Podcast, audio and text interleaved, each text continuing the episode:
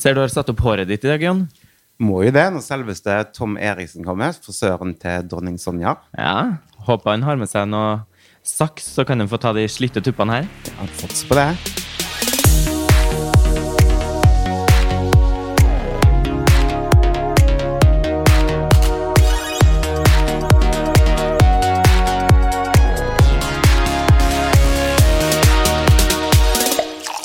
God fredag, og velkommen til en ny episode av Bobler og Børek.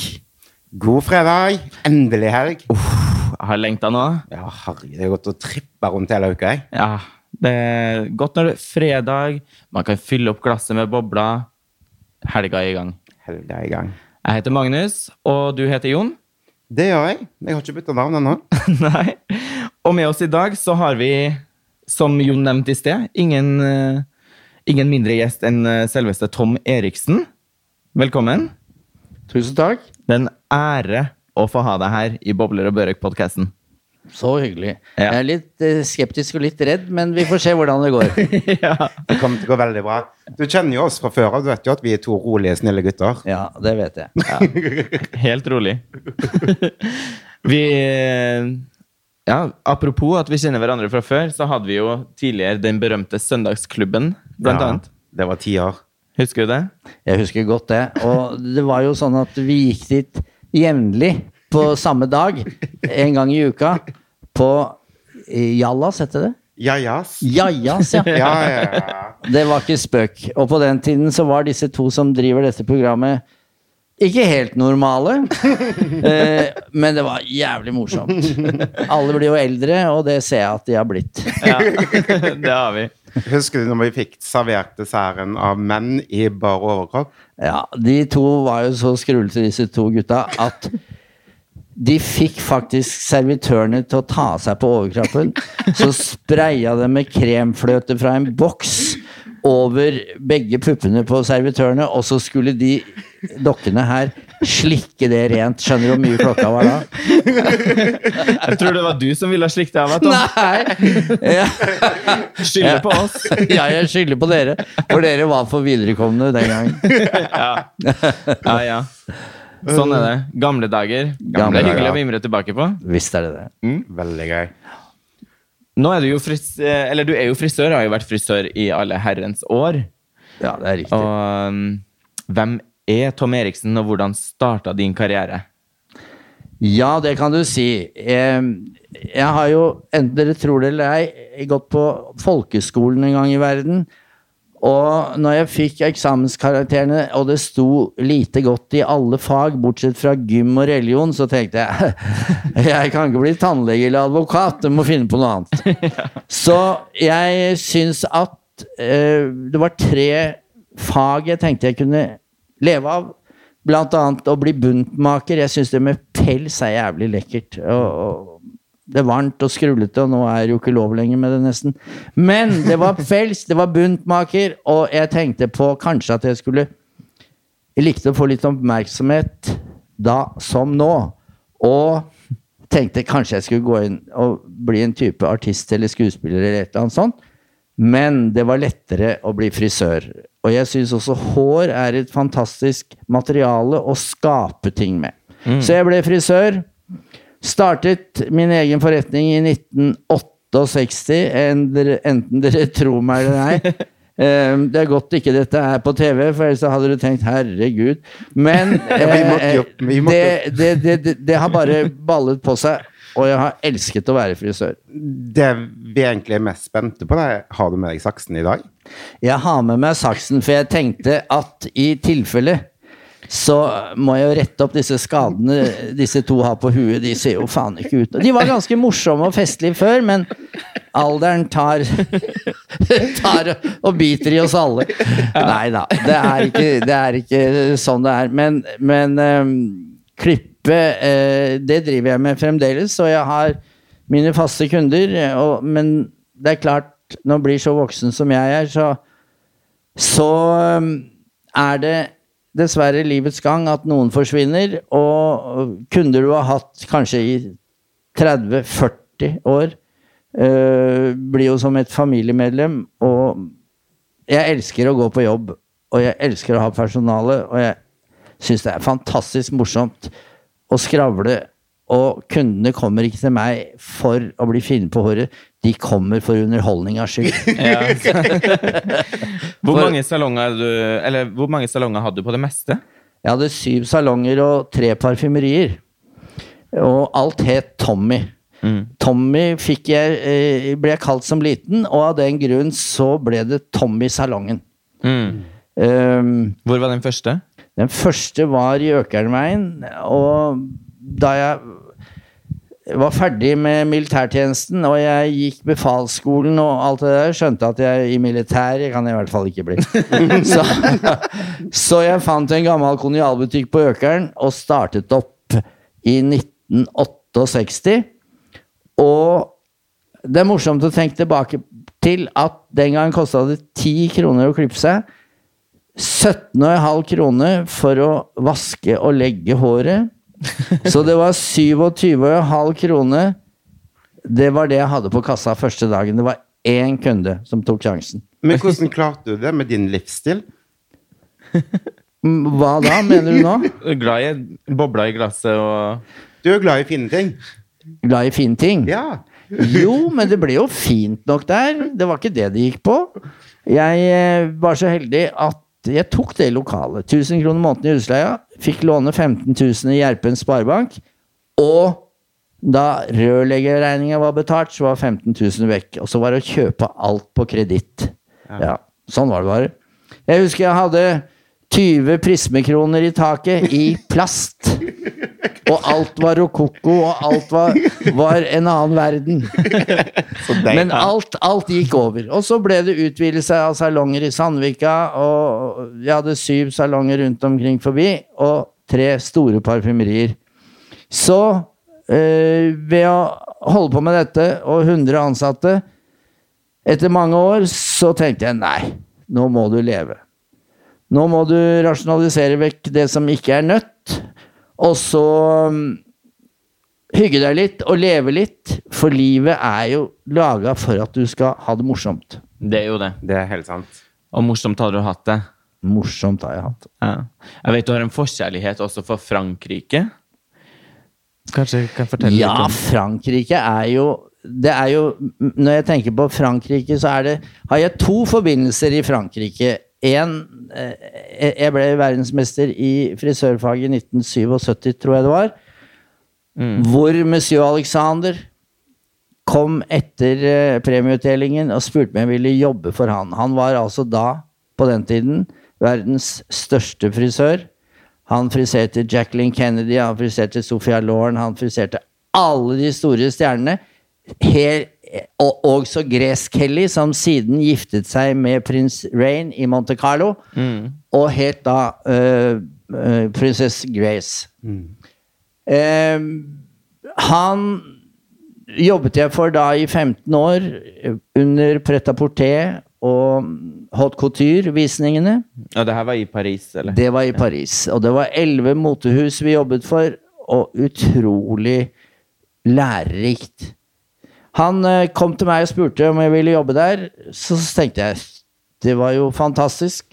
Men han sa du får ikke betalt, du må betale reise selv, du må betale hotell selv, men du får lærdom. Ja. Og jeg syns jo det var veien til lykken. Å få lære Paris var jo mekka for mote. Sant. Det er jo gull verdt, da. Ja. Da ble du sittende med kunnskap og erfaringer som ingen andre i Norge hadde. Nei. Og Det Paris. Vi elsker jo Paris. Ja. Paris er jo et mekka av, av alt. Men, men eh, den tiden i Paris var et eventyr å få være med på. Og da ble jeg jo kjent med fyrstefamilien i Monte Carlo, som var monsieur Alexanders omgangskrets. Så vi fikk jo Jeg var jo hans var med. Altså, en kjendis i utlandet går jo aldri ut alene. De har lite hoff med seg. Og jeg var litt av hoffet, da. Ja. Så jeg pønta, pønta meg så godt jeg kunne. Og det er klart at når du ser eh, Når du er 50 år yngre, så ser man 50 år yngre ut. Så man blir jo mer populær da enn nå, hadde det ikke nytt av. Men, men. Men livet er rart, og Paris var fantastisk. Ja. Herlig. Det er en spennende karriere, og det var i 15 år du var der. Ja. Men jeg ble forelsket i ikke bare Paris, jeg ble forelsket i, i Syd-Frankrike, som er en perle. Helt fra Monte Carlo og ned til Saint-Tropez, og kanskje enda lenger. Og via Edna Falao, som driver en strandrestaurant i Saint-Tropez. Eh, og og også sammen med Grete Kausland, som vi elsket å reise dit. Og jeg fant ut at mitt sted på jorden måtte være også i byen Cannes. Mm. Jo, jeg vet du bruker, Så, du bruker å være en del i Cannes. ja. Så jeg kjøpte en leilighet der for 15 år siden, og øh, det er mitt feriested. Og der kan du slå ut håret, som det heter. og og øh, ideen, ikke ideen, men selve Cannes, hvis du rusler rundt i byen der, og du ser alle motehusene, du har filmpalé, du har alt som skjer. Det lukter penger i gata. Jeg tror det er en plass vi burde hatt en podkastinnspilling. Ja. Kanskje vi skal ta en liten eh, uke i sommer til Cannes. Ja. Der flytte inn hos Tom. ja. I leiligheten der i Cannes. Skal vi ha søndagsklubb en hel uke? Hva sa du? Skal vi ha søndagsklubb en hel uke? Kan vi ha. Vi tar med, Med bobler, vi ikke tenker på det. fløteskum. Ja, vi tar med oss, vi tar med oss norsk fløte og champagne. Ja. Herlig. Hva er det du liker å finne på når du er i Cannes? Går du bare rundt og vifter med boaen, eller? Nei, jeg gjør ikke det, altså. Jeg eh, bor da 50 meter fra vannkanten, og der er det lekre strandrestauranter. Du får alt fra A til Å. Eh, senger, håndklær, dyner, holdt jeg på å si. Og, eh, eller parasoller. Og nydelig mat. Det er en service som Fins ikke maken. Jeg tror alle vi nordmenn som sliter og jobber hele året, må unne oss litt luksus av og til. Så ikke dagene blir dønn like. Ja, Faen, da kan vi like så godt pak legge på lokket og dra. Ja, veldig, veldig enig. Ja. Helt sant. Men du er jo en, sånn som vi kjenner det også. Vi har jo kjent hverandre en, en del år nå. ja. Uh, og det er jo det som er så festlig og inspirerende med deg, er jo at du er hardtarbeidende og har stått på hele veien, men du er også den, eh, en livsnyter som er ute og finner på ting, har det gøy. Du, jeg føler du er liksom en person som virkelig lever livet, da. Jeg tror det er viktig for alle. Eh, ikke være så høytidig hele tiden. Og det er klart Jeg har jo følt nå at eh, alder er bare tall, egentlig. Så min vennekrets i dag Det kunne jo vært bestefaren til alle sammen. Eh, fordi at eh, morsomme, yngre mennesker, kreative, inspirerer, ikke sant? Så mitt liv i dag Jeg bor i Oslo og, og um, har en vennekrets. Jeg er glad i familie, men venner er jo nesten det viktigste, syns jeg. Ja. Og, og at man kan pleie hverandre og passe på hverandre. Og um, ja, jeg anbefaler alle. Få dere gode venner. Gode venner er jo også som familie, egentlig. Ja. Bortsett fra dem slipper å arve. Ja. ja, det Godt poeng. Men jeg har en idé, faktisk. For jeg har eh, Jeg er ikke gift, jeg har ikke barn. Og så tenkte jeg Hvem skal arve meg, liksom? Så tenkte jeg kanskje jeg skulle ta det som eventuelt blir igjen. Dele på ti og gi ut 10 til alle venner. Mm. For det at familien Jeg har en fin familie, men vi er liksom ikke Det er mer sammen med venner. Del det på tolv, da, så blir vi også med. Nei, så mye er det ikke å dele på. Nei, vi, skal ikke, vi er ikke ute etter pengene dine, Jo, men, vi er det vel- tror jeg du men vi er veldig glad i leiligheten. Da, så vi kan jo Og kunsten. Ja, og kunsten. Ja, Reveteppe på senga. ja. Ja, reveteppe. ja det, det har jeg enda, faktisk. Ja. Eh, I likhet med oss er jo du også homofil. Men du har jo levd noen år lenger enn oss, så vi Ja. er jo også litt interessert i å høre om, eh, Altså, om hvordan hvordan det var i dag kontra Ja, nå. det kan jeg fortelle mye om. For det at det, i dag er jo, det er jo Du blir jo ikke drept av å være homofil i dag. eh, Og du ble heller ikke satt inn som du ble i gamle dager. Ja, for da var det ulovlig. det var ulovlig å være homofil, og eh, vi som var det på den tiden, vi måtte jo være forsiktige og passe oss. Og vi hadde jo sammenkomster i smug. Og det var eh, veldig diskré, Men vi gjorde så godt vi kunne for å ha det moro. Og det var jo eh, Jeg har aldri gått med noe plakat på ryggen hvor det har stått hva jeg var, men alle homofile har forskjellig legning. Noen er mer utagerende enn andre. Og ja, jeg tenker på dere to som sitter der.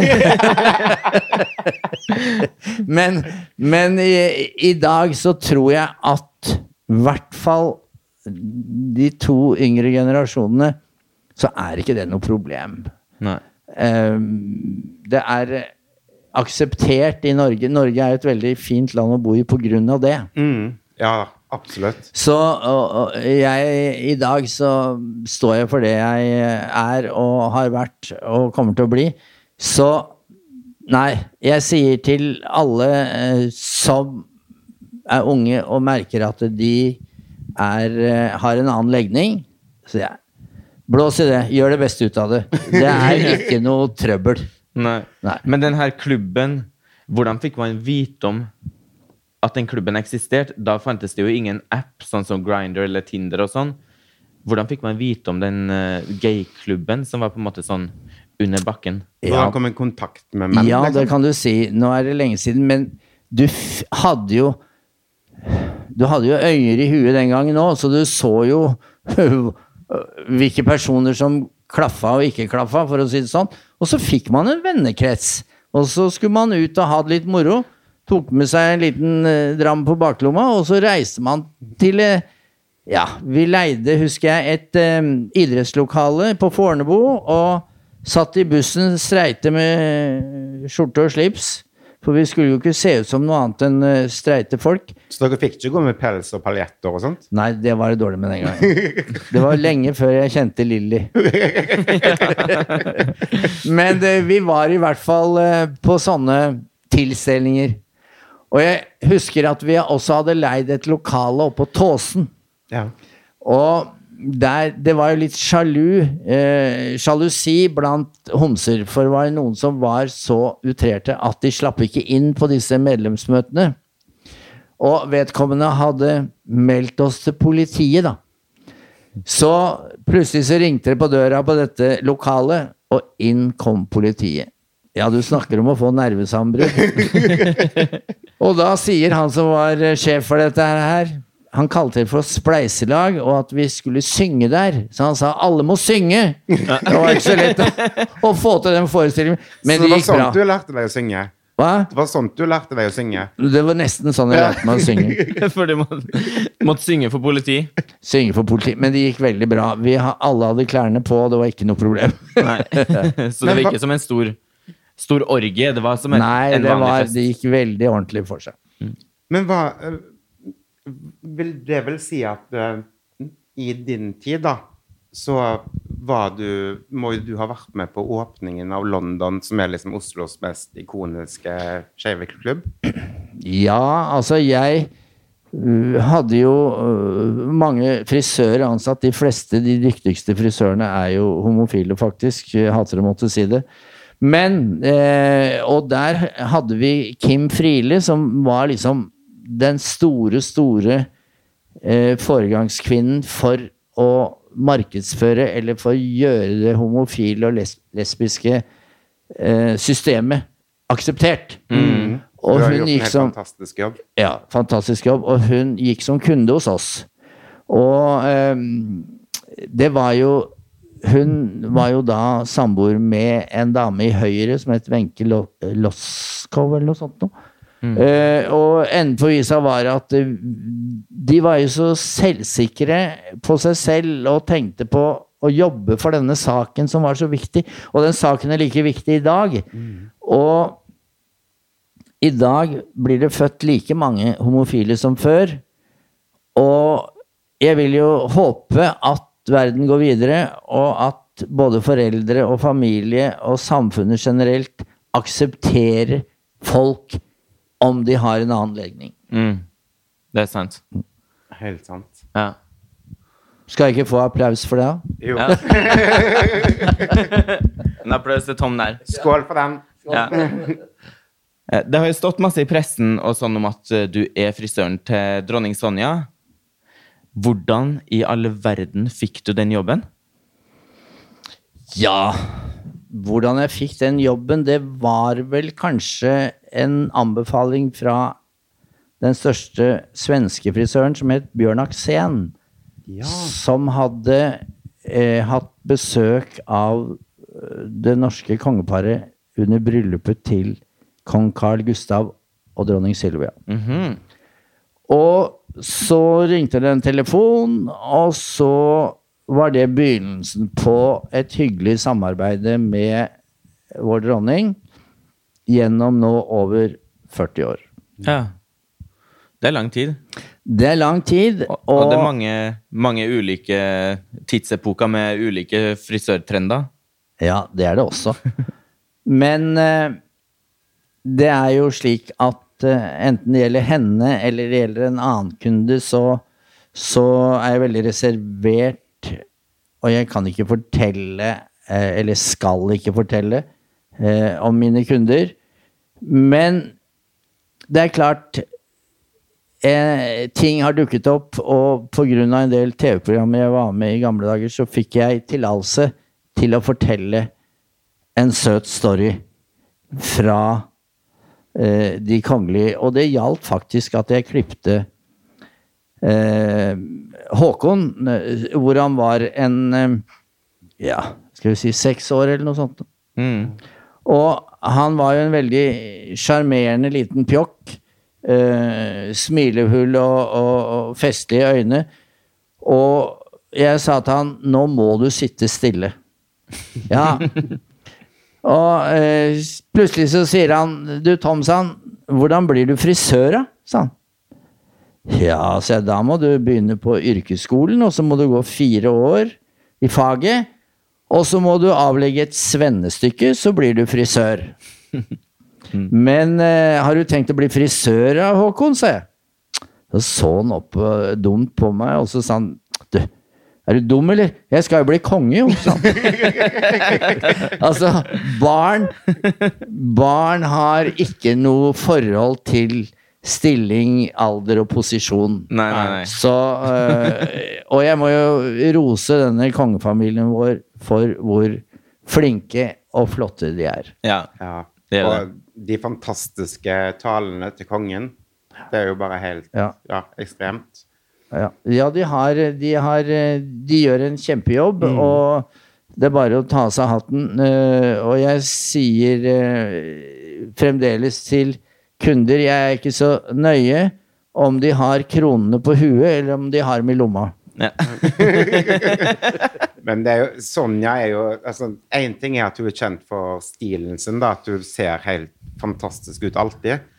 Eh, men håret hennes også er jo helt magisk.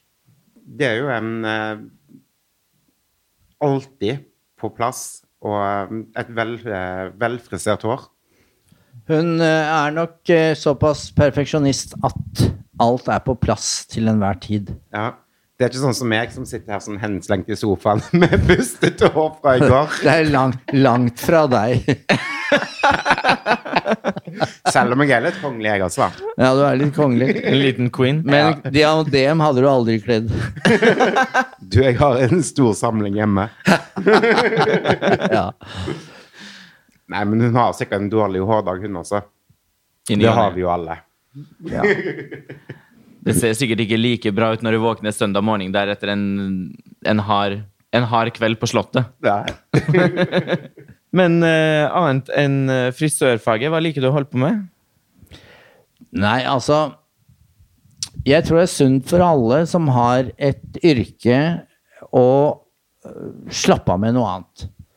Og siden jeg var um, Siden jeg var ung, så har jeg tenkt at hvor Det er tullete å feire fødselsdag hvert år, så jeg gjør det bare hvert tiende år. Og da gjør jeg det faktisk så det syns. Da leier jeg Chat Noir, leier Dizzie Showteater, og sist nå leide jeg Valmanns salonger. Det var jo helt magisk. Jeg var jo i 70-årsdagen din. Ja. Og så Skål. Og så Jeg har jo en vennekrets innenfor showbiz og teater. Og vi hjelper hverandre, vi stiller opp for hverandre. Og det var nå sist eh, 330 gjester på Valmanns og 30 artister på scenen med Wenche Myhre i spissen. Og vi stiller opp for hverandre og lager en fest for hverandre og for alle gjestene. Så eh, det med sang og musikk har, har kommet mer inn i livet mitt nå, faktisk. Bortsett fra at eh, jeg har skrevet en del låter og en del nummer og vært med i revyfestivalen på Høylandet som jeg vant. Og eh, jeg syns det er morsomt å skrive tekster og låter, og nå eh, har jeg blitt så gal at jeg synger på en restaurant i Oslo hver onsdag i sammen med mange andre.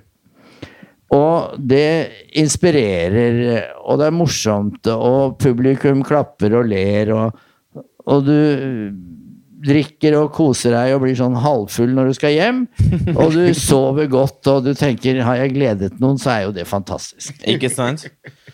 Du er en showman uten sidestykke. Ja. Jo, jeg syns det er kjempemorsomt. Og, og det er jo sånn at eh, nå som flere vet hvem jeg er, så får jeg litt oppdrag, da. Å opptre for eh, bl.a. Norsk Rikstoto lagde jeg åpningen av V75, hvor jeg går på teater og kjøper faktisk gamle kostymer som jeg lager tekster til. Mm. Og da kjøpte jeg et gammelt hestehode, så svært som jeg klarte nesten ikke å bære det, og en hestekostyme. Og så var jeg i denne teksten hesten som bestemte om folk skulle tape eller vinne på travbanen og galoppbanen. Så du sprang rundt som en sånn liten Jeg sprang rundt som en ikke liten, men stor ponni. Trava rundt der. og trava rundt, og folk spilte på meg. Nei da, det var, det var innholdet i teksten, og den låta het 'Gambler'. Vil du ta den nå? Jeg kan ikke ta den nå. Nei, Vi skal jo gi ut låt til sommeren. Kanskje du kan hjelpe oss å skrive den? Det kan jeg gjøre. Fantastisk. Mm, og kanskje kan du opptre også på sommerfesten? Går det an å booke deg og leie deg inn som hest? Det kan du gjøre. Du har det er et festlig nummer. Jeg skal vise deg bilde av det etterpå. Ja. Jeg har det på telefon. Gleder meg. ja. Helt herlig. Men tusen takk for at du ville tilbringe fredagskvelden her med oss, Tom. Det har vært så gøy å ha deg på besøk. At du har kommet med og delt dine gode historier og erfaringer med våre lyttere. Um, Det har vært så hyggelig. Kjempegøy. Og Vi er jo gamle, gamle bekjente. Og eh, hyggelig å på en måte catche opp igjen. Og hvis du er sugen etterpå, så kan du dra oss med en tur ut på byen på en drink. Men først må vi ordne håret. Du, tok, Ja, ja. har med sagt. Vi skal fikse fletta før vi går. Men jeg blir gjerne med en tur på byen Ja. for å eh, friske opp gamle minner som jeg har hatt med dere to da vi var på vår største karriere, alle tre. Fantastisk. Fantastisk. Tusen, Tusen takk takk. for at du var med oss, Tom. Tusen Eh, takk. Vi snakkes neste fredag. Ha det bra! Ha det bra.